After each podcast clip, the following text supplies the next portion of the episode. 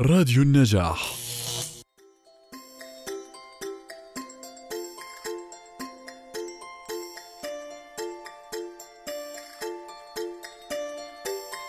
جميلتي لونا ما رأيك أن تساعديني في تنظيف المنزل اليوم؟ لقد قمت بتنظيفه أمس ما حاجتنا لتنظيفه كل يوم يا أمي؟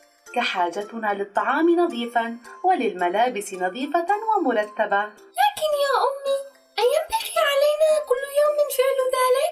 ما رأيك أن نعرف ماذا حصل مع سهى جراء قلة نظافتها؟ هيا يا أمي فلنبدأ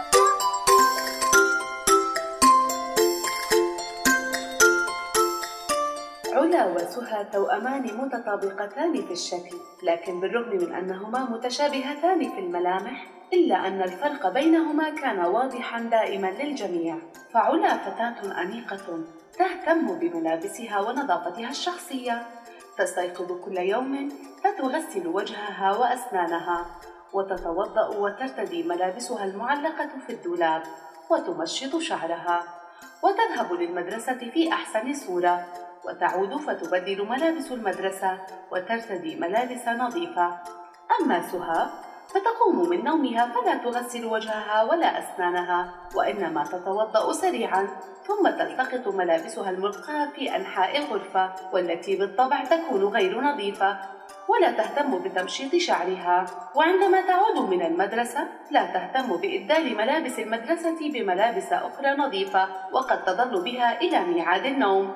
فتقوم بخلعها وإلقائها في أنحاء الغرفة. ولا تهتم بتعليقها للحفاظ عليها. وبالرغم من تحذيرات الأم المستمرة لسهى من هذا الإهمال في نظافتها إلا أنها لم تكن تصغي لوالدتها بل إنها لم تكن تهتم حينما كانت أمها تعاقبها على هذا الإهمال. وفي يوم من الأيام عادت علا وسهى من المدرسة فدخلت علا كالعادة وأبدلت ملابسها ثم غسلت يديها قبل الطعام. بينما دخلت سهى مباشرة وجلست على مائدة الطعام فقالت الأم فلتغسلي يديك قبل الطعام يا سهى ولكن يا أمي أنظري ليس هناك أي شيء على يدي. قد يكون هناك بعض الجراثيم والأتربة التي قد لا تستطيعين رؤيتها بعينيك ولكنها تكون موجودة وقد تتسبب في ضررك. ولكني كل يوم لا أغسل يدي ولا يحدث لي أي ضرر ثم إني جائعة جدا الآن.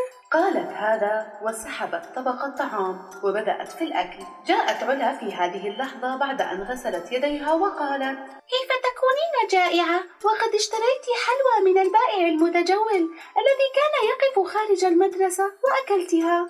اندهشت الأم وقالت ألم أحذرك من قبل من شراء الحلوى والمأكولات من الباعة المتجولين؟ لأنها لا تكون نظيفة. ولكني يا أمي كنت جائعة جدا. والآن يا أمي أريد أن أخبرك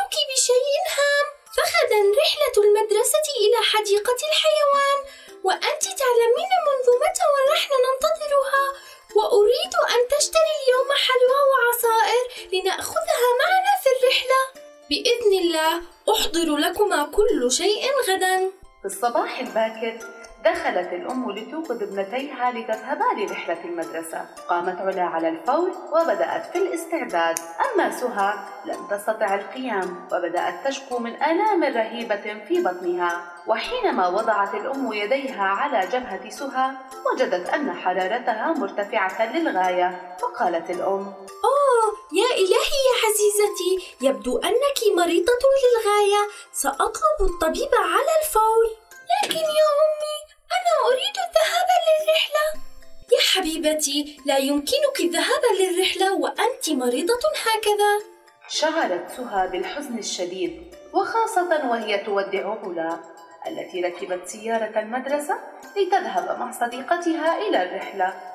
استدعت الأم الطبيب فورا والذي حضر بعد قليل وقام بالكشف على سهى ثم سألها هل أكلت شيئا خارج المنزل بالأمس؟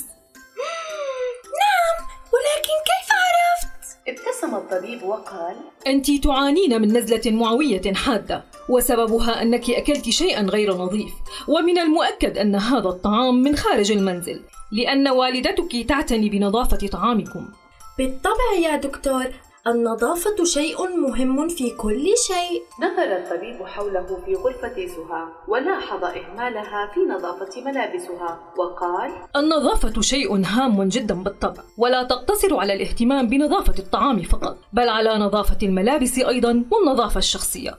فإنك إذا أهملت في أي منهم قد يتسبب هذا أيضا في إصابتك بالأمراض. نعم كما أن هذا يجعل الآخرين يبتعدون عنك. وعن مصادقتك لأنك لا تهتمين بنظافتك الشخصية. كما أنك بهذا لا تحرصين على أن يحبك الله. وكيف هذا؟ ألا تعرفين قول الرسول صلى الله عليه وسلم أن الله طيب يحب الطيب نظيف يحب النظافة؟ لا لم أكن أعرف هذا الحديث الشريف ولقد تعلمت اليوم درسا قاسيا فكم كنت أتمنى أن أذهب إلى الرحلة مع أختي علا ولكن بإذن الله من اليوم سأهتم بالمحافظة على النظافة الشخصية ونظافة كل ما حولي وأتمنى أن يحافظ هذا على صحتي وأن يجعل الله يحبني